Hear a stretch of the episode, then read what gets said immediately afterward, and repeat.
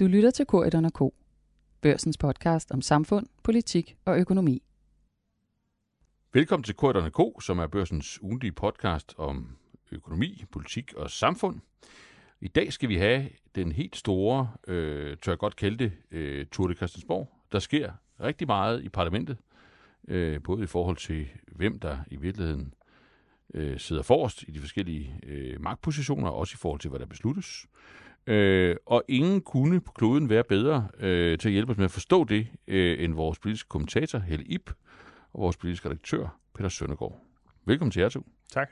Tak. Og, og vi er så glade for at have jer her, at vi, øh, vi simpelthen prøver at tage øh, en, en tur rundt om, om de her begivenheder med jer som fast panel i, i dag, som en lidt anderledes, anderledes øh, tilgang.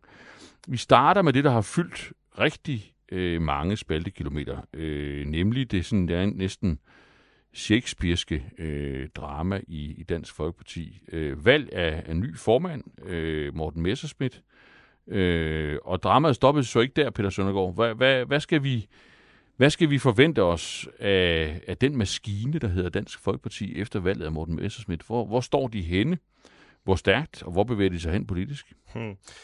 Uh, det er jo et stort spørgsmål. Ja, altså, jamen, først, og fremmest, først og fremmest skal man sige, at det har i hvert fald været uh, meget interessant at følge med i uh, Morten Messersmiths første tid som uh, formand for Dansk Folkeparti. Det er ikke sikkert, at han selv synes, det har været den allerbedste start. Han er jo allerede blevet uh, stemt ned et par gange af sin egen uh, folketingsgruppe i forhold til valget af ledelsen uh, af partiet. Mm. Og op til uh, formandsvalget i Dansk Folkeparti var der jo flere af DF's folketingsmedlemmer, der troede med at, at gå fra partiet. Øh, men der har de simpelthen øh, ændret strategi, og nu øh, tror de med at blive. Og det er jeg ikke sikker på, at det nødvendigvis er meget, meget bedre for Morten Messerschmidt, at han skal have de her kritikere inde i folden. Det havde måske været lidt nemmere for ham, selvom det har været meget dramatisk, øh, mm. at få luet lidt ud øh, mm. hos nogle af hans øh, kritikere internt i partiet. Ja. Øh, og i forhold til sådan den, det, det er jo den kuriøse del af det, kan man sige, den meget underholdende del af, hvad der foregår i partiet. Men hvis man kigger sådan lidt mere substantielt så synes jeg i hvert fald selv, det er meget interessant at se, øh, hvordan han vil positionere Morten Messerschmidt, Dansk Folkeparti, i, øh, i den blå blok, øh, da han stillede sit øh, kandidat øh, op i forhold til at blive formand for Dansk Folkeparti, var han ude i et større interview i Berlingske, øh, hvor han jo talte om, at han vil være mere fuldtonet øh, blå, mm. øh, og være en mere fast del af den blå blok, hvor Christian Tulsendal jo har prøvet at gøre sig fri, øh, og, og kunne ligge lidt derinde på midten, hvor han både kunne være lidt sammen med de blå, men også kunne forhandle sammen med, med Mette Frederiksen og Socialdemokratiet. Øh, og der virker det til, at han trækker den øh, Dansk Folkeparti mere tilbage i blå blok. Nu kan man sige, man skal ikke overgøre deres betydning lige nu, fordi mm. meningsmålingerne står de jo meget, meget svagt, mm. men de vil formentlig stadigvæk skulle være et, øh, et støtteparti, øh, hvis regeringsmagten skulle skifte. Og der er det jo interessant, hvis de lige pludselig er mindre øh, forskrækket i forhold til skattelettelser. Også sådan noget som topskattelettelser har han egentlig talt øh, om som en mulighed. Mm. Og dem, der kan huske øh, tiden under den øh, foregående regering, BLAG-regeringen, øh, mindes jo måske, ja. at, at det var lidt, lidt besværligt dengang mm. at få de her topskattelettelser igennem, for eksempel. Ja. Så der er i hvert fald nogle perspektiver i, i den der nye positionering, som han måske øh, vil bevæge DF imod. Ja. Men hvis man så tager de perspektiver, Helle Ip, altså øh, ny formand, måske mere medgørlig i forhold til resten af Blå Blok, måske sådan et lille, en lille håb for deres vedkommende, for vi andre vel bare udsigt til, til sådan måske lidt mere harmoni i, i Blå Blok på den ene side, og så på den anden side det forhold, at han ikke ser ud til at have et flertal i sin egen øh, folketingsgruppe. Hvad, hvad er det? Bliver det sådan en stop-go frem og tilbage, slingerkurs? Hvad skal man forestille sig? Og handler den, altså det her flertal i folketingsgruppen, han så har imod sig, er de, er de enige i, i den her, øh, hvad kan man sige, bevægelse, som Peter Søndergaard øh, beskriver, eller, eller vil de holde ham fast på noget, han i virkeligheden ikke selv øh, synes er rigtigt? Jamen, jeg tror, den splittelse, der er i Folketingsgruppen, handler også om nogle af de fraktioner og de meget hissige magtkampe, der var op til, mm. hvem holdt med Martin Henriksen, som jo helt åbenlyst vil have en meget, meget skrabber øh, attitude i udlændingepolitikken. Men det er ikke sådan, man skal forestille sig, at fraktionerne så er udelukkende politiske. Nej. Øhm, fordi der synes jeg, man kan notere sig, at de folk, der bliver indstillet til at være enten gruppeformand eller komme med i gruppebestyrelsen, at det stikker lidt i mange retninger. Og man kan sige, øh, for Morten Messerschmidt, øh, da den bedste udgave af det øh, helt entydige nederlag, han har lidt, fordi det var ikke de mennesker, han havde indstillet til de centrale poster, der, valgt, der blev valgt. Men den bedste udgave for ham vil selvfølgelig være, hvis de øh, partimedlemmer og de gruppemedlemmer, der ikke foretrak Messerschmidt øh, som partiformand, alligevel føler sig repræsenteret nu, øh, fordi der er en mere blandet sammensætning i ledelsen, at der så kommer mere loyalitet og opbakning. Mm. Øh, så vil det være fint øh, for Messerschmidt. Men den øh, virkelig ubehagelige udgave for ham er selvfølgelig, at det her har vist, at han egentlig ikke rigtig har autoritet til at sætte sig igennem. Det kan godt være, at han vandt med øh, et pænt øh, flertal over de to andre kandidater, Merete D. Larsen og Martin Henriksen. Men hvis han ikke har rigtig autoritet øh, til at sætte sit hold, til at sætte sin mening igennem øh, i Folketingsgruppen, så kan det selvfølgelig blive et problem fremadrettet. Mm. Fordi der skal man bare huske på, at det kan godt være, at der lige nu er masser af øh, hæftige persondramer og masser af interesse om, når hvem øh, tabte og hvem vandt den afstemning.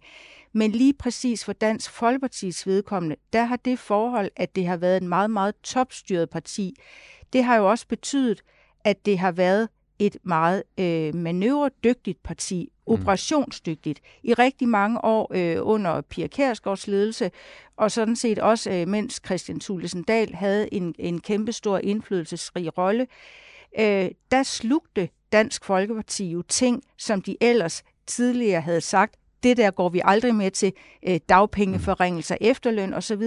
Der var der også lidt øh, protester i ny og næ øh, ude i baglandet og i Folketingsgruppen, men det var ikke rigtig noget, der for alvor slog hårdt, fordi der var en, en opfattelse af, at man var sikker på, at partitoppen havde gjort det mm. bedste mm. i den her situation.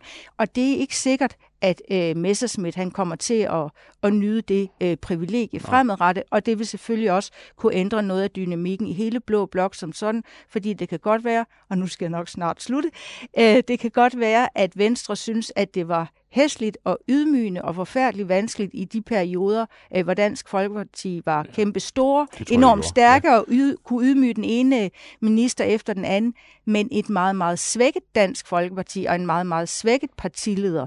Hvis mm. det ender der, er det ikke nødvendigvis en fordel for resten af Blå Blok heller.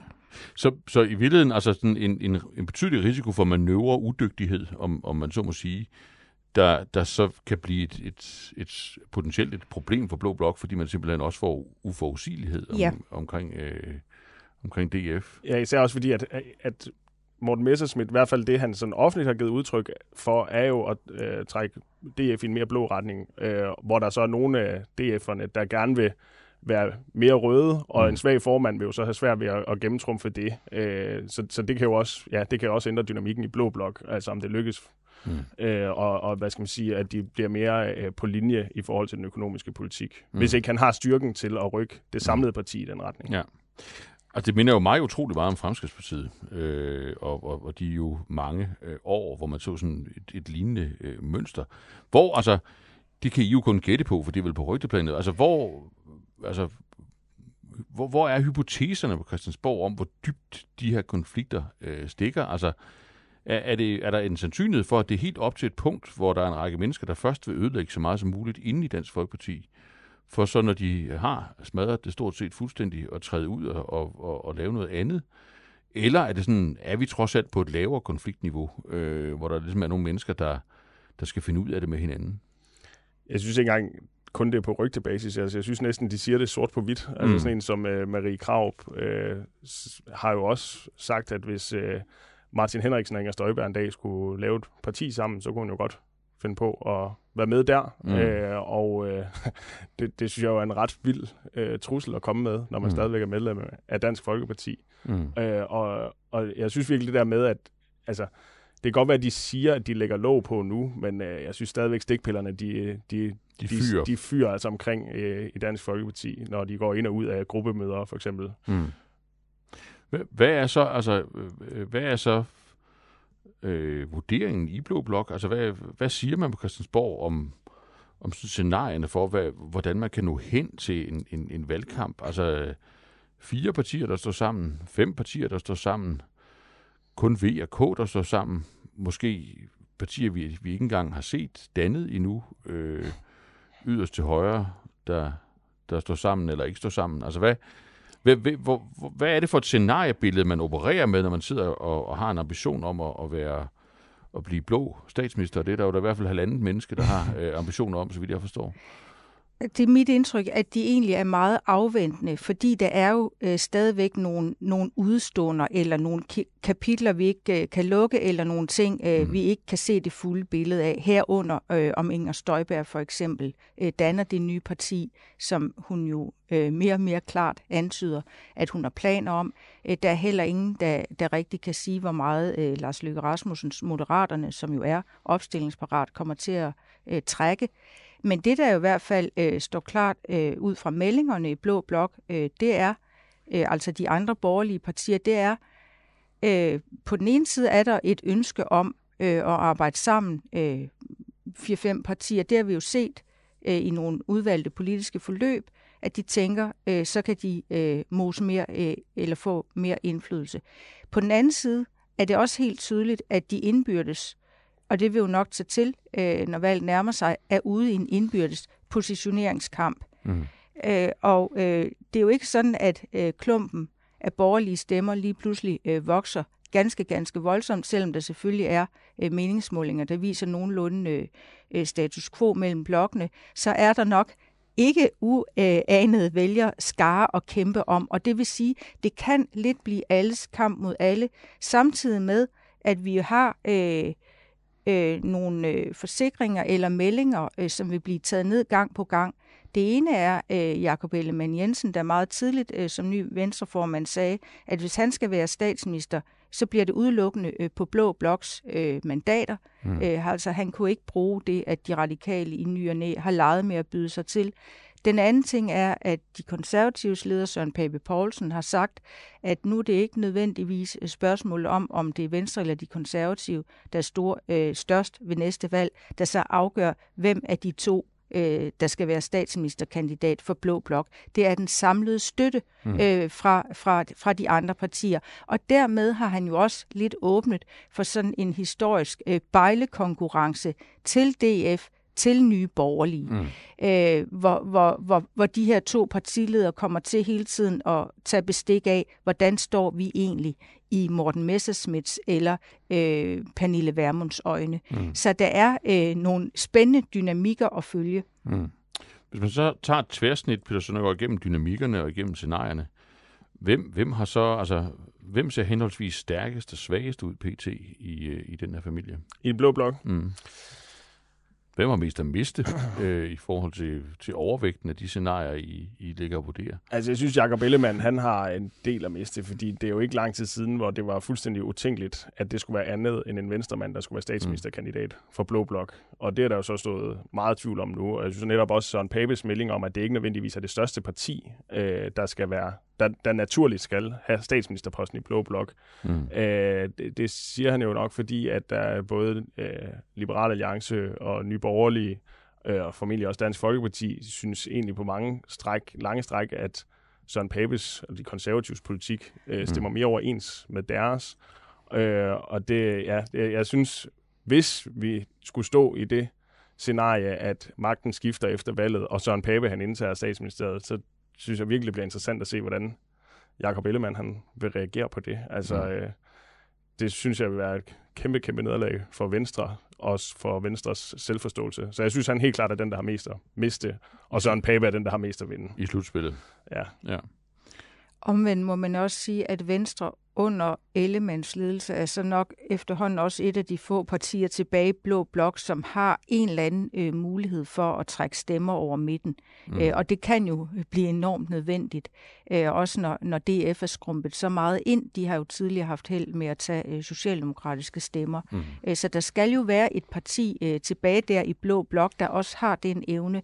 Og man kunne jo, øh, altså apropos øh, udviklingen i Dansk Folkeparti, også have en fornemmelse af, at der kan ske det, hvis Messersmith er svækket, hvis han er nødt til at tage hensyn øh, til Martin Henriksen, eller dem, øh, der mm. gerne ville som Martin Henriksen, have en meget mere øh, hård øh, retorisk øh, attitude-linje øh, politik øh, i, i udlændingepolitikken, altså gå mere over i Pernille Vermund og Nye Borgerlige spor, altså så kunne man sagtens forestille sig, at der sker sådan en øh, lille glidning, påvirkning af af hele blå blok, der så øh, kommer til at rykke en lille smule yderligere øh, til højre i værdipolitikken. Mm. Og, og der er det store spørgsmål selvfølgelig, hvordan reagerer Venstre så der, hvis Venstre også begynder at bløde? Vil man så alligevel stå på nogle ting, der gør det attraktivt for midtervælgere at hoppe over? Mm. Og hvis jeg bare lige må tilføje til det, det, det er rigtigt, Venstre har evnen til at trække stemmer over midten, der er jo så Lars Lykkes Moderaterne, som måske kan få samme rolle. Deres meningsmålinger er ikke sådan super fantastiske, men de vil stadigvæk have den rolle i en valgkamp. Og vi ved jo alle sammen, at Lars Lykke han er bare god i valgkampsmode, så, øh, så måske kan han overtage noget af den rolle for Venstre. Og så samtidig en anden, som jeg synes virkelig står stærkt i Blå Blok, det er altså Pernille Vermund. Mm. Man skal ikke, øh, altså, hun har virkelig øh, fået placeret sig øh, godt i Blå Blok, og det synes jeg senest, man så i de her reformforhandlinger, mm. hvor de fire blå partier, de jo stod skulder ved skulder, øh, og hvor Pernille Vermund faktisk fik nogle, øh, nogle altså i, i de blås udspil på udenlandsk arbejdskraft. Jeg ved godt, vi kommer tilbage til mm. det. Men, men hvor hendes, øh, hvad skal man sige, krav om, at der skulle være den her differentiering efter den lavere beløbsordning, altså hvor meget man skal tjene fra et ikke-EU-land, hvis man skal til Danmark og arbejde, øh, hvor Blå Blok vil have den sænket, og hvor Pernille Vermund ligesom fik øh, trumfet igennem, at det så skulle kun være fra borgere fra udvalgte lande. Mm. Det var jo virkelig en mærkesag, hun fik de andre blå partier øh, med på. Det kan godt være, at det også er Venstres officielle politik, men for eksempel et parti som Liberal Alliance var jo modstander af det, men for Blå Bloks sammenholds skyld gik de med til det. Mm. Så hun har altså også øh, fået positioneret sig godt i Blå Blok, og øh, sådan en som Trolsson Poulsen øh, taler også øh, meget positivt om øh, Pernille Vermund. Altså, de, det er som om, at de, de, de synes, at øh, hun er pragmatisk og øh, til at arbejde med. Ja. Sidste spørgsmål om, om sådan den, den blå familie. Ligger der i det, I, I siger her, at I ser Lars Løkke som sådan en, en spiller, der i virkeligheden kunne ligge og have sådan en, en kalkyle om, at hvis, hvis hele resten af, af familien, jeg ved, han er nok ikke med i familien, hvis hele, hele familien rykker et skridt til højre, at så åbner der sig et hul til ham rundt om midten. Er det er det, er det, det I ligger og, og kigger efter? Jamen, jeg synes samtlige budskaber øh, fra Lars Lykke, øh, faktisk helt tilbage fra, fra den valgkamp, hvor han lancerede bogen øh, Befrielsens øjeblik og begyndte at tale om et øh, forpligtende regeringssamarbejde hen over midten. Samtlige budskaber er jo gået i den retning, at øh, øh, analysen af, at der er øh, nogle midtervælgere, øh, som godt vil øh, have, at tingene foregår på en måde, hvor det ikke er yderfløjene, hvad enten det er til rød eller blå side, der skal dominere. Mm. Øh, der er jo øh, en tanke om, at her må være et større vælgerhav. Det er jo det samme, som øh, kristendemokraterne også forstør, forsøger at stemple ind i. Mm. Øh, så det, det er der jo slet ingen tvivl om, at der vil være nogen, der prøver at gå efter de vælgere, ikke bare for at få øh, til eget parti, men fordi det jo rent faktisk også kan få øh, den øh, udslagsgivende effekt øh, ved næste valg, sådan som meningsmålingerne mm. øh, ser ud i øjeblikket. Der kan det være få stemmer der på midten, der så faktisk kan afgøre, hvordan øh, bliver næste regeringsammensætning.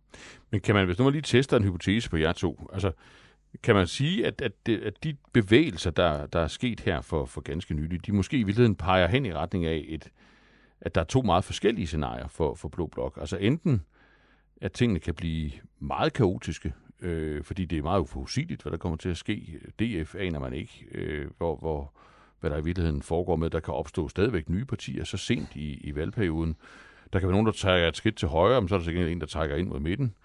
Øh, så, så et kaosscenarie på den ene side, men måske på den anden side et scenarie, hvor der bliver sådan en, en form for relativt perfekt arbejdsdeling øh, i Blå Blok, hvor man både får nogle kræfter yderst til højre, der kan trække vælgere, og nogle andre kræfter ret tæt på midten, øh, der kan trække en anden type vælgere. Er det, er det, sådan, er det så stort et udfaldsrum, I ser for jer?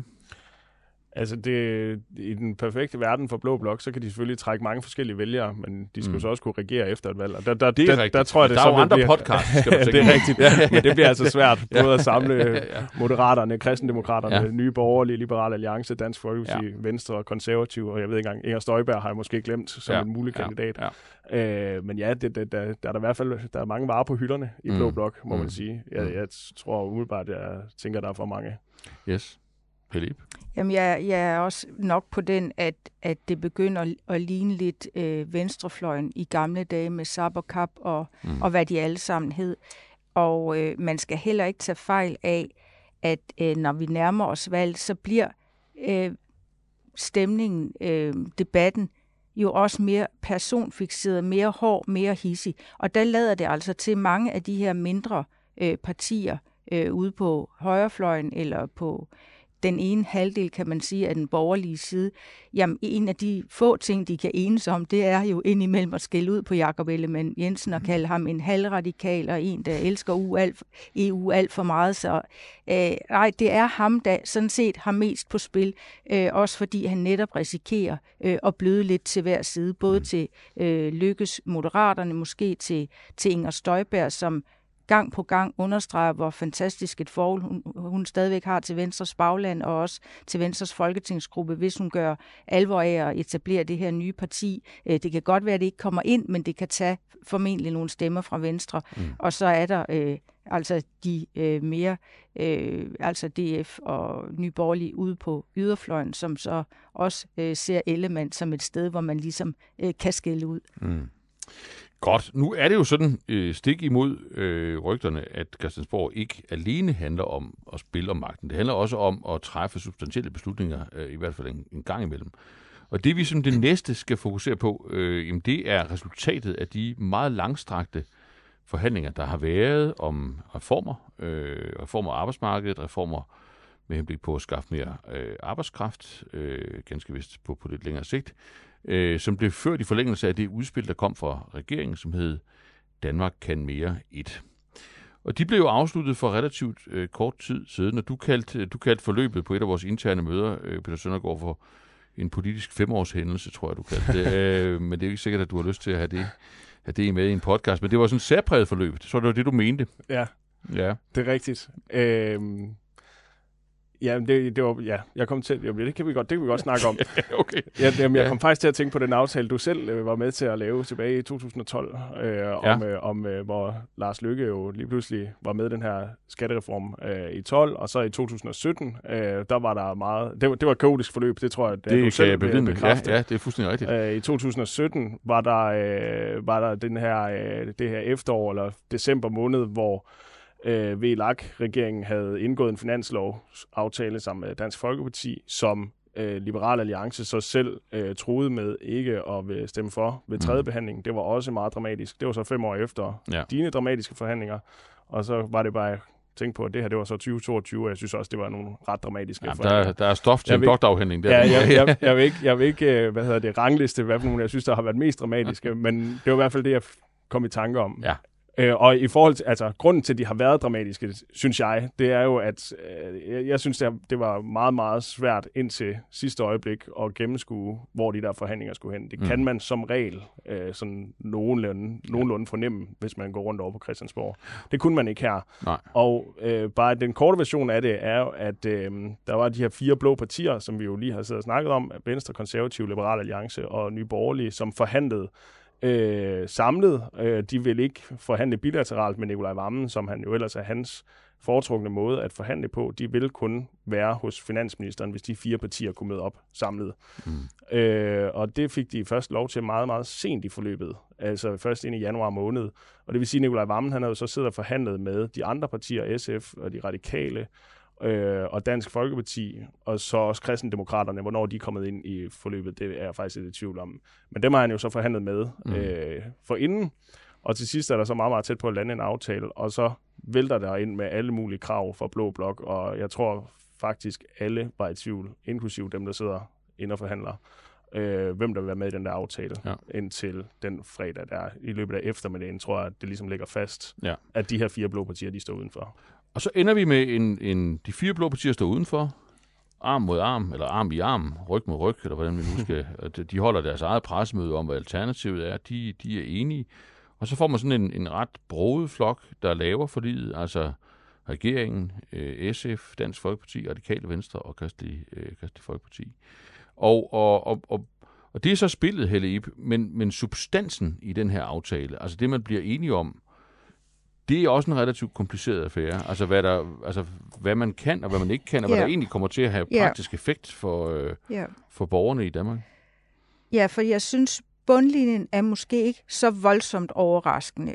Regeringen fik sådan set øh, stort set øh, det, den gik efter og havde stillet i udsigt, Mm. Og det var øh, de reformer øh, og de elementer, den havde spillet ud med, noget med dimittentsatsen, fradrag øh, for fagforeningskontingent, der skulle sættes op lidt højere dagpenge og øh, modregning for pensionister. Altså store dele af det udspil, den havde præsenteret, kom den igennem med, og man bliver heller ikke overrasket over, at ambitionsniveauet så ikke endte meget, meget højere. Mm. Altså man endte med stort set at gøre det, man havde lovet, og det var at lukke hullet efter Arne, som man kan udtrykke det. Altså levere øh, omkring 12.000 ekstra i arbejdsudbud, altså en lille smule mere end det, den her øh, pensionsordning for nedslidte øh, trækker ud af mm. arbejdsmarkedet. Mm. Men det virkelig specielle, og det jeg synes nærmest har farsens karakter, det er jo øh, spørgsmålet om international arbejdskraft. Arbejdskraft udefra,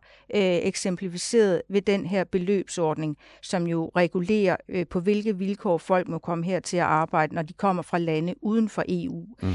Og det er altså noget, øh, de borgerlige øh, har øh, efterlyst i mange år. Ja, det er nærmest det, en hellig ko i ja, dansk politik, ikke? Øh, det har fået simpelthen en kæmpe, kæmpe symbolværdi øh, gennem det seneste år, øh, især hvor øh, manglen på arbejdskraft er taget til i alle mulige brancher, har, har erhvervslivet også øh, i stigende grad sagt, kan vi ikke gøre noget ved beløbsordningen. Mm. Og den har været enormt svær at røre ved, fordi historisk har det næsten været en hellig ko, eller den har i hvert fald fået en symbolværdi, som som nok overgår øh, dens indholdsmæssige værdi i, i betragtning af udfordringen, og hvor mange mennesker det egentlig er, øh, det drejer sig om. Men der har vi altså nu den øh, fuldstændig paradoxale situation, at selvom der er øh, partier bredt, øh, altså faktisk et bredt flertal, der har lovet at vil justere ordningen, så kan man ikke blive enige om den præcise model. Den øh, aftale, øh, regeringen præsenterede øh, sammen med SF, øh, kristendemokraterne og de radikale, øh, i forlængelse af de her reformpakker, Danmark kan mere et, jamen dem er der ikke flertal for. Ja, fordi DF står uden for den del. Ja, DF står udenfor øh, på grund af deres syn på udlændingepolitikken som sådan, og samtidig øh, de fire blå partier, der har præsenteret deres alternativ, som er mere ambitiøst, øh, Venstre, Konservativ, Ny Borgerlig og Liberal Alliance, der er heller ikke tilnærmelsesvis flertal for den model. Så vi har altså at gøre med for det første, Mette Frederiksen, øh, der som statsminister og S-formand har måttet løbe fra et løfte i opposition, øh, hvor hun gik sammen med DF om at forsikre, at den her beløbsordning skal bestemt ikke ændres. Det måtte man så alligevel gøre af hensyn til den aktuelle øh, politiske og mm. økonomiske situation. Og så leverer man noget, der ikke er flertal for, og en, en, et blå blok, der heller ikke har flertal. Og apropos øh, den øh, skatteaftale, øh, og lykkes Lars Løkke Rasmussens tur øh, til og fra Rio, som, øh, som Peter Søndergaard er inde på, øh, så kan det godt være, at regeringen tænkte, jamen de borgerlige bliver jo møre, når erhvervslivet presser på, så kan de da ikke sige nej, så må de æde det, vi lægger frem. Mm. Så status er lige nu, at øh, regeringen har sagt nej til at genåbne forhandlingerne, de blå partier har sagt nej til at stemme for det, der ligger, og øh, planen lige nu er fra regeringens side, så lægger vi det i Folketingssalen. Det kommer muligvis ned til april, og så må vi se, om der er nogen, øh, der så øh, vil levere et flertal. Så vi har altså den farsagtige, som du kalder det, bizarre situation, at et meget bredt flertal i Folketinget er nu enige om, efter at Sømsted har ændret holdning, SF har ændret holdning, at øh, det er en god idé med mere udenlandsk arbejdskraft. Der vi skal have den her beløbsgrænse et stykke ned, så der er flere, der kan komme ind. Og alligevel så ser det ikke ud som om, at noget konkret forslag kan, kan stemmes igennem. Men så plejer tyngdeloven jo at sætte ind i politik. Og så plejer det jo at gå sådan, at nogen ender med at måtte give sig. Øh, sådan at det alligevel ikke ender helt tosset. Hvem, hvem bliver den lille her? Jeg tror ikke, der er nogen af dem, der gør. Ikke, det tror du ikke, der er nogen af dem, der gør? Ikke, ikke i første omgang. Ikke jeg, før, okay. jeg, jeg, jeg, jeg, jeg hælder mest til, øh, og det er jo nu selvfølgelig nu gætter vi. Det gætter vi. Det, yes. øh, men jeg, jeg hælder mest til, at, at både regeringens forslag, øh, som jeg ikke vil kalde en aftale, for man kan ikke lave en aftale med et mindretal af partier, Nej. men regeringen, SF, de radikale og kristendemokraternes forslag, øh, som jo, hvis vi lige bare lige helt kort skal riste op, sænke beløbsgrænsen til 375.000 kroner i stedet for de nuværende 448.000 kroner. Det skal kun gælde i to år. Øh, og der er nogle sådan semi-byråkratiske benspænd i det, at hvis en virksomhed vil have en øh, ansat ind på den her lavere beløbsgrænse, så skal de have slået et konkret job op på Jobnet i 14 dage, tror jeg det er. Mm øh, før de ligesom får øh, hvad skal man sige, adgangsbilletten til at bruge den her lavere beløbsgrænse. Og der er et loft over, hvor mange mennesker... Og så er der et loft på, at der må maksimalt komme 10.000 ind på den ja. her ordning. Overfor det står de fire blå partiers øh, øh, hvad skal man sige, ordning, som der så heller ikke er flertal for, hvor man sænker beløbsgrænsen til 360.000, altså 15.000 lavere end regeringens øh, bud. Øh, den skal så til gengæld kun gælde for borgere fra 59 forskellige lande, mm. øh, lande vi har meget samhandel med. Øh, det udelukker mange øh, sådan muslimske øh, lande, hvilket er noget, det Pernille Vermund ligesom har øh, haft som krav. Øh, der er så til gengæld ikke en toårig periode på, der er til, hvis arbejdsløsheden bliver høj, så lukker man ordningen øh, og der er loftet så 12.000. Mm. Og allerede det der med de 10 og 12.000 er jo, altså allerede der begynder det at blive sådan lidt skørt. Fordi, ja, fordi det er jo altså, bare lofter. Der, de, de siger ligesom, at så kommer der 10.000 ind på den ene ordning, og der kommer 12.000 ind på den anden ordning. Altså man kunne også have lavet et loft på 100.000. Det ja. betyder ikke, at der kommer 100.000 ind på ordningen. Nej. Altså de, de alvorlige mennesker, der sidder og, og, og, og leder virksomheder i, i Danmark, må jo få eksem frustration øh, over, at det de ser som et meget, meget konkret problem. Øh, at man der skændes som børn, ja. om ikke at kunne, fordi den her type uenigheder jævnet, jævnet ud. Ja. Hvor er erhvervslivet hen som spiller i det her? Altså, sidder de bare og slår hovedet ind i væggen øh, inde, i, inde i, i, i dansk industri og dansk erhverv og øh, landbrug og fødevare rundt omkring i byen, eller, eller Hvordan spiller de deres kort i det her? Ja, altså de er jo selvfølgelig meget utilfredse med, at der ikke øh, kommer en aftale på det her. Mm. Altså de, de vil selvfølgelig gerne have, at man bliver enige øh, om et eller andet på udenlandsk arbejdskraft. Mm. Men øh, det, de, øh, som jeg forstår, hvad der foregår inde i de forskellige erhvervsorganisationer, så har de blandt andet arbejdet på, at man skulle komme med en eller anden kompromismodel og høre, kan I ikke mm. lave den her aftale i stedet for? Øh, og de har ikke sådan vil vælge 100% side i den her sag. Altså, fordi det, det var jo en model, man kunne bruge, fordi regeringen har jo, regeringen, da de præsenterede deres forslag, mm. øh, hvor de blå partier stod udenfor, der stod både øh, Nikolaj Vammen og Peter Hummelgaard og sagde, at nu regner vi selvfølgelig med, at Blå Blok går med, fordi at det her det er jo også det, erhvervslivet har råbt om i mange år, øh, og derfor forventer vi selvfølgelig, at øh, erhvervslivets organisationer vil lægge et pres på de blå partier, mm. for så at den vej få dem til at stemme for. Yeah. Og det pres har vi ikke set endnu. Øh, altså, vi har ikke set øh, de her erhvervsorganisationer tage stilling til, om de vil presse øh, V, K, LA og Nyborgerlige til, altså prøve at overtale dem til at stemme for regeringsforslag. Mm. Uh, vi har heller ikke set erhvervslivets organisationer presse den anden vej, altså prøve at overbevise øh, regeringen, SF, Radikale og Kristendemokraterne til at stemme for mm. Venstres og de andre blå partiers forslag. Lige efter, hvad hedder det nu, aftalerne faldt på plads, der var organisationerne DI og DA og DE jo ude at sige, at det var for uambitiøst og, og det var skuffende.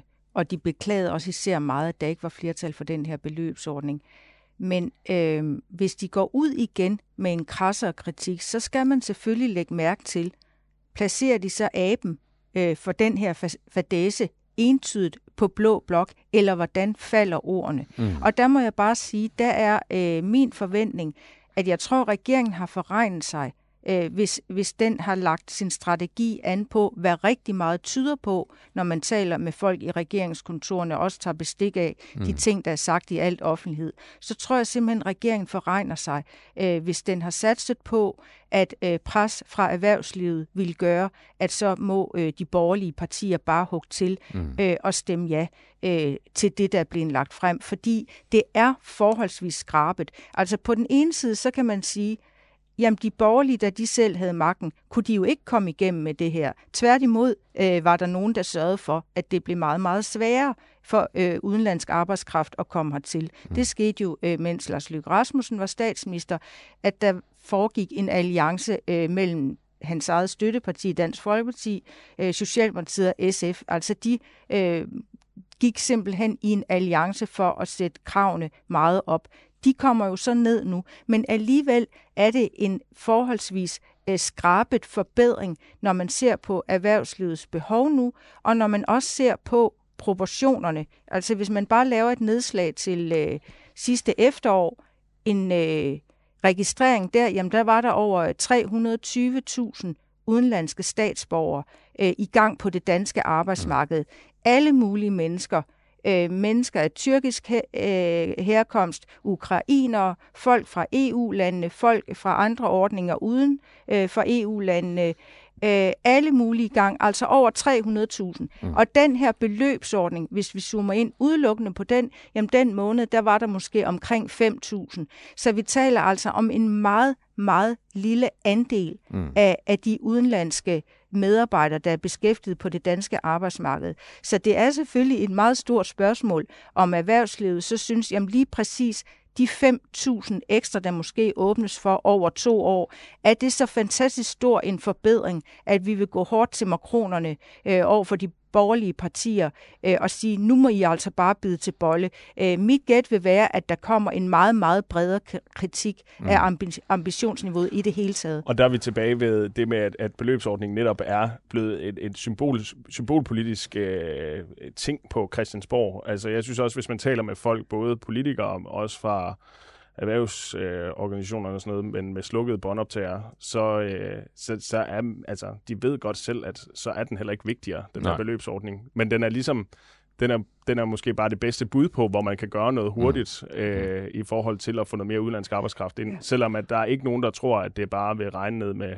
manna og arbejdskraft, hvis man sænker beløbsordningen. Hvis vi lige runder øh, erhvervslivet af, altså jeg kan jo, når nu I er så venlige at henvise til et eksempel, jeg kender lidt til, så, så vil jeg sige, at min egen erfaring er jo, at der skal en hel del mere substans på bordet for at udløse den mekanisme øh, i, i omtaler, altså hvor erhvervslivet, hvor man kan have et samspil som socialdemokratisk minister og finansminister med erhvervslivet om at, at, at komme i tale med, med de blå partier på måske en lidt mere hensigtsmæssig måde, end, end de selv har lyst til.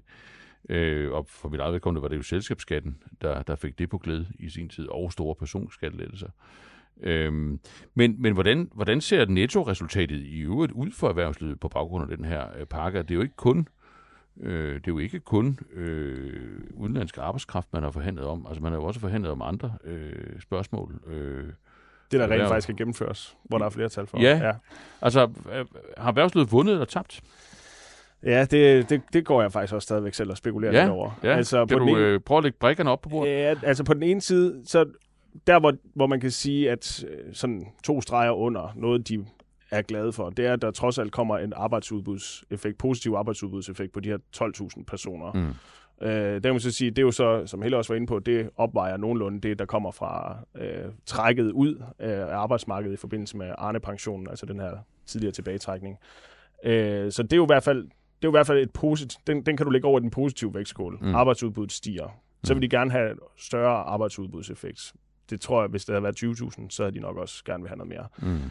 Øh, så er der nogle øh, ting, som øh, erhvervslivet har øh, virkelig lobbyet for i mange år. Det er det her forsknings- og udviklingsfradrag, øh, mm. som er... Øh, øh, har været fløjet lidt op og ned, hvilken procentsats den ligger på. Den er lige nu på 130 procent, og der er det så aftalt, at den skal permanent blive på de her 130 procent. Ja det er en lille ting, men det er noget, de virkelig ønsker sig. Det er især mange af de store virksomheder, som jo netop øh, har mange forskningsudgifter. De får en, en, et dejligt fradrag her, mm. som er en eller anden på en måde indirekte selskabsskattelettelse. Det lyder bare lidt pænere mm. at sige, det er et forskningsfradrag. Øh, så får de selvfølgelig lidt lavere beskæ- altså beskæftigelsesfradraget bliver hævet en lille smule, men det er nede i så små beløb, at det er ikke noget, der rigtig betyder noget. Øhm, så, så det, det er alle de positive ting. Så er der en ret stor, øh, eller flere store ting, som de ikke bryder sig så meget om. Der er selvfølgelig, øh, at dagpengene bliver hævet de første tre måneder, øh, som trækker ud, øh, altså trækker ned i arbejdsudbuddet. Men nettoeffekten er jo så de her 12.000 personer. Øh, der synes jeg især, at Dansk Arbejdsgiverforening har kørt ret meget kampagne imod mm. det her forslag. Det har Venstre jo også øh, her på det sidste, selvom Venstre jo faktisk selv var åbne for en højere dagpengeperiode mm. øh, tilbage i efteråret. Og så er der den store klump, der hedder sanering af erhvervsstøtten, øh, som jo øh, lyder fint. Øh, øh, der skal saneres på erhvervsstøtten for 3,5 milliarder kroner. Øh, den er i dag på 42 milliarder kroner. Det er sådan et samsurium af, jeg tror, der er 200 forskellige ordninger, mm. på, hvor man på den ene eller den anden måde støtter erhvervslivet. Øh, det skal så øh, skæres ned med 3,5 milliarder kroner. Hvordan det skal ske, det er der ikke nogen, der ved. Øh, men der skal være en ekspertgruppe, som mm. Simon Kollerup, vores erhvervsminister, har sagt, at erhvervslivets organisationer, de skal ikke tage del i det arbejde. Det tror mm. jeg ikke, de synes er super fedt. Øh, men det er jo penge, du tager væk fra et eller andet i erhvervslivet. Hvad, mm. det ved vi ikke. Og der er der så den krølle i, at det her forskningsfradrag og beskæftigelsesfradrag, og i øvrigt også om flere penge til uddannelse, som erhvervslivet også gerne vil have, det bliver kun til noget, hvis man får saneret erhvervsstøtten. Fordi mm. det er nedskæringen i erhvervsstøtten, der finansierer både forskningsfradraget og beskæftigelsesfradraget øh, og uddannelses Så sådan på, på hårde kroner og øre, der er, de, der er de blevet snydt godt og grundigt, og der kommer de til at levere mere ind, end de får betalt ud.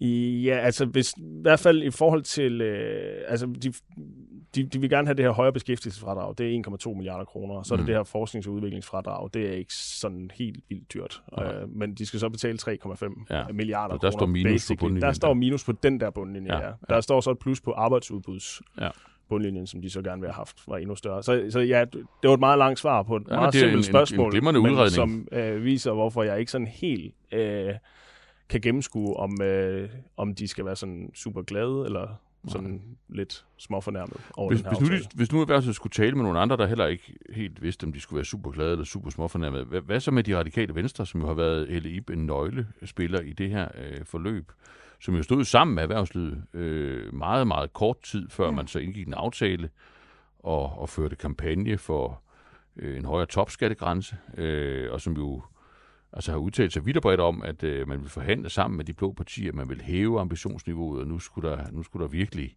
ske noget af reformpolitikken. Altså endte de bare ja. med at fuldstændig at falde ned som lam, efter at være sprunget op som løver?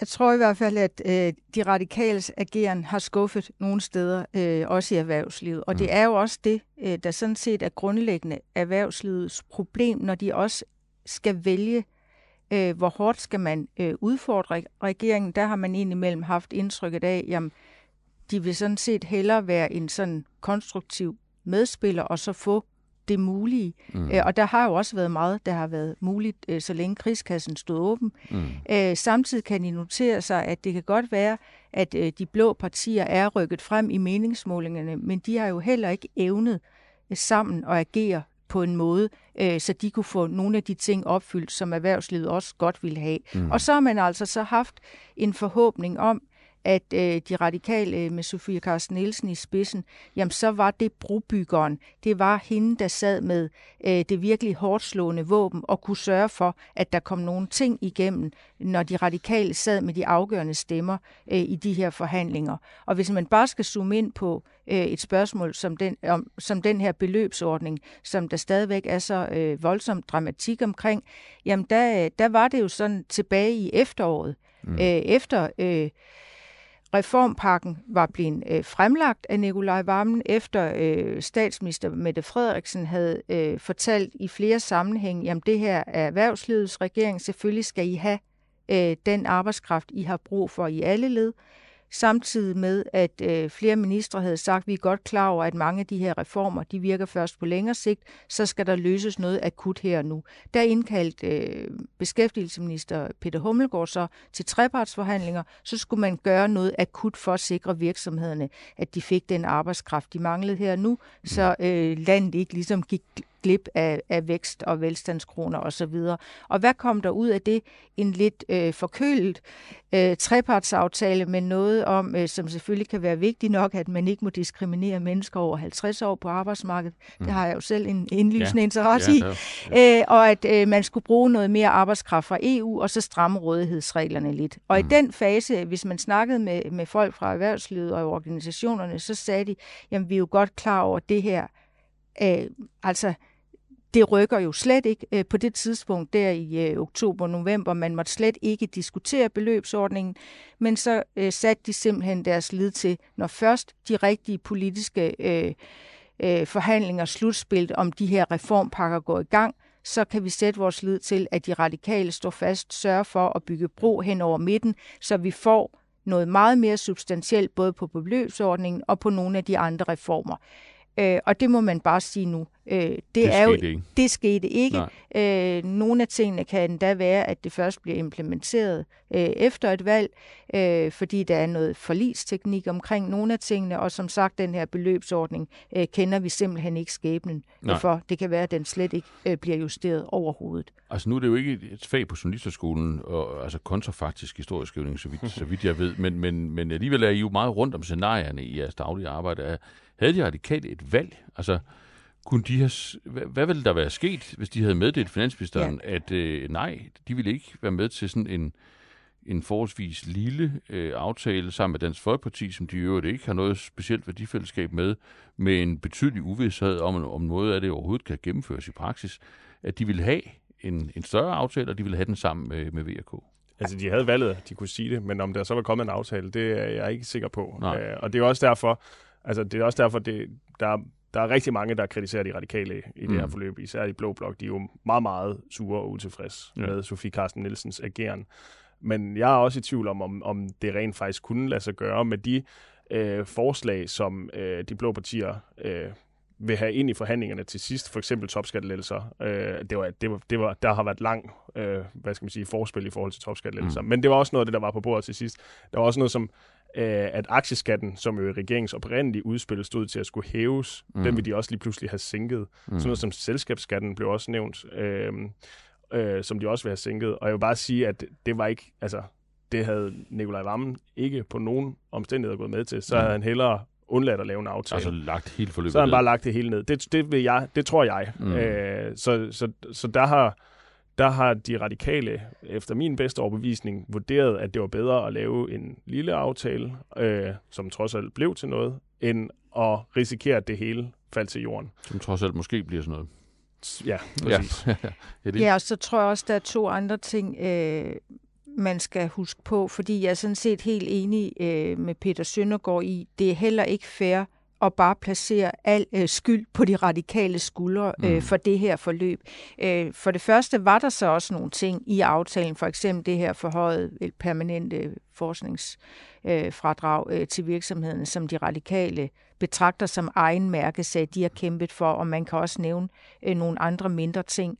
Men derudover må man også bare sige, at de borgerlige har så heller ikke selv gjort det særlig let øh, for de radikale mm at hoppe over eller lave en eller, anden, øh, en eller anden alliance. Og det handler jo simpelthen om, at øh, Venstre, Konservativ og LA i den her fase rettede sig efter øh, nye borgerlige, som var ekstremt optaget af at få den her udlændingepolitiske diskussion eller dimension ind i beløbsordningen, netop ved at sørge for at stå på, at mennesker fra øh, Nordafrika eller Mellemøsten ikke skal have lettere ved at komme til Danmark. Og det er klart, når man laver noget, øh, der også i ra- radikals optik er så åbenlys forskelsbehandling, men den her, øh, det her udlændingepolitiske twist, mm. øh, som Pernille Vermund også gav det, så er det jo ikke måden øh, at få de radikale øh, til at alliere sig øh, med blå blok på for at øh, lægge stemmer øh, til en anden beløbsordning. Mm. Selvom man så også lige må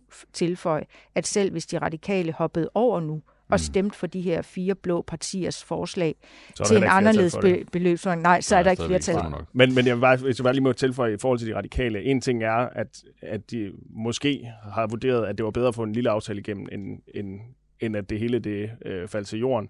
Så kan man godt undre sig over deres, øh, hvad skal man sige, øh, kommunikation op til, at aftalen den landede. Øh, fordi øh, jeg, blev, jeg blev selv lidt overrasket, da jeg så, jeg tror det var en uge før cirka, øh, at reformaftalen faldt på plads, at Lars Sandal Sørensen, øh, administrerende direktør i Dansk Industri, og Sofie Carsten Nielsen fra de radikale venstre havde lagt billeder op på de sociale medier, hvor de stod på Christiansborg-trappen med nogle skilte med noget med mere retfærdighed eller et eller andet i den stil. Og hvor Sofie Carsten Nielsen så havde skrevet på Facebook, at øh, de arbejdede for blandt andet, at topskatten skulle sænkes mm. i de her reformforhandlinger. Og, og det, det, det, var, det er i hvert fald ikke sådan en forventningsafstemning øh, til øh, vælgerne og borgerne om, hvad der er på vej. Fordi på det tidspunkt ved vi, at øh, Nikolaj Vammen fuldstændig kategorisk havde afvist, at Ja, det havde pille ved topskatten. Så, så, så, Ja. yeah. så, så det, det, er sådan lidt, det var lidt underligt, at hun går ud med noget, som hun ved, hun ikke kan få igennem på det tidspunkt, synes Mm. jeg. Dagen før øh, hed det lige pludselig bare, at vi arbejder på skattelettelser, Mm. hvilket er noget markant andet end topskattelettelser. Ja, og her kan man også få til øh, de mange meldinger, øh, der er kommet fra radikalt hold, og så den allerskarpeste om, at øh, man ikke vil lægge stemmer til en etparti S-regering igen mm. fra radikalt hold, øh, så kunne man jo sige, at den her anledning var jo så de her forhandlinger en mulighed for virkelig at sætte hårdt mod hårdt og vise, ja. jamen hvad er det så, man kan, hvis man insisterer på, at der er noget, der skal gennemføres med et flertal hen over midten. Hvad er det så, der kan åbenbare sig? Der var en anledning her, og det må man bare sige, det var så ikke den, ja, øh, fordi... de radikale brugt til at vise øh, omverdenen, hvad der kunne lade sig gøre. Nej, for kan man ikke sige, at hvis et, der er et menneske, der har sovet ualmindeligt trygt øh, efter indgåelsen af den aftale, så har det vel været landets statsminister, øh, fordi hun har vel sovet med en bevidsthed om, at hun havde de radikale liggende i inderlommen øh, ja, til, hun, og hun... til, til brug, øh, når, hun, når hun nu lyster det. Både ja. det, og også, hun har jo så også, kan man sige, øh, med, med de her meget blandede aftaler med meget blandet flertal, om end nogen af dem er der så ikke flertal for, øh, der har hun jo demonstreret det, øh, der i hvert fald er sådan talelinjen fra S-toppens side, som er grunden til, at man vil fortsætte og gå til valg på en ny øh, etparti S-regering, det er jo, at det er en regering, der gerne vil og også er i stand til at mixe flertal og ikke bare operere med én fast blok. Mm. Og at, at de radikales øh, hvad skal man sige, tanker om at hoppe over midten og støtte den borgerlige regering, den hvilede jo på, at de kunne blive enige om den økonomiske politik. Ja. Det kan de så ikke. Øh, så er de jo ikke rigtig enige om noget som helst. Og dermed er den øh, tanke om, at de radikale skulle skifte blok, synes jeg virker endnu mere fantasifuld, end øh, den gjorde, inden den her aftale andet. Tusind tak for øh, ikke bare øh, Tour de Christiansborg, men Tour de Force til Christiansborg øh, til, til Peter Søndergaard og Helle Ip, inden de slipper ud af studiet. Hvornår får de mennesker, der går mest op i substansen, en afklaring på de her tvivlsspørgsmål? Hvornår skal vi forvente os ind i, ind i foråret, at vi ved lidt mere om beløbsordning, udenlandsk arbejdskraft osv. osv.? Jeg, jeg tror, at, øh, at de her to forslag skal til afstemning. Altså regeringens aftale med SF og de radikale kristendemokraterne. Deres forslag om udenlandsk arbejdskraft skal ned i salen, som der ikke er flertal for. Og øh, Blå Bloks forslag skal også en tur i salen, som ikke er flertal for. Efter det, øh, kunne, jeg, kunne jeg godt forestille mig, at man så kunne finde sammen og lande, lave en eller anden ny kompromisaftale måske. Jeg er svært ved at se for mig, at det sker øh, på den her side af, at det har været en tur i salen. Simpelthen fordi jeg synes, at øh, de er klatret for meget op i hver sit træ øh, til at... Altså, jeg kan, jeg kan simpelthen ikke se, at de skal kunne øh, komme med indrømmelser nu, før at det ligesom er blevet blotlagt nede i Folketingssalen, at der ikke er flertal for, for forslagene. Jeg tror, tre af de borgerlige partier meget gerne vil komme tilbage til Nikolaj Vammen eller Mathias Tesfaye, der jo så står for, for lovgivningen øh, på området øh, som udlænding og integrationsminister. Men øh, jeg har også svært ved at se øh, invitationen komme.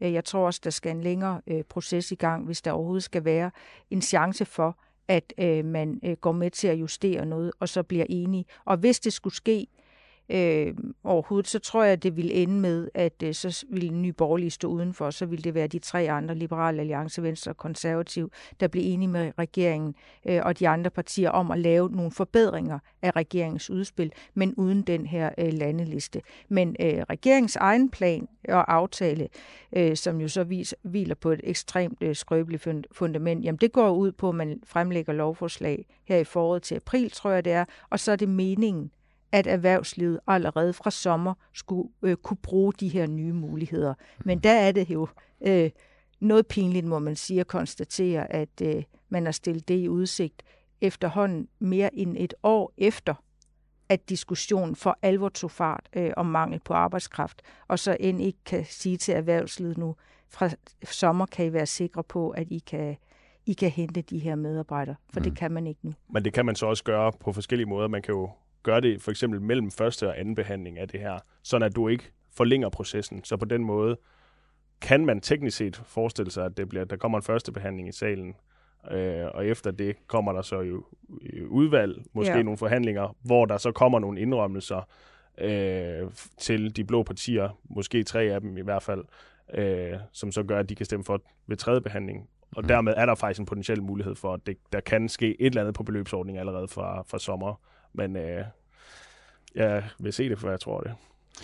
Tusind tak for den, og, og rigtig mange andre øh, vurderinger, som jo beviser, at man bliver nødt til at forstå teknikken, for for alvor at kunne vurdere politikken. Tusind tak for jeres besøg, Peter Søndergaard Helib. Selv tak. Selv tak. Tak fordi du lyttede med på Korridoren K. Vi håber, du lytter med næste gang. Og indtil da, så giv os gerne en anmeldelse i din podcastplayer.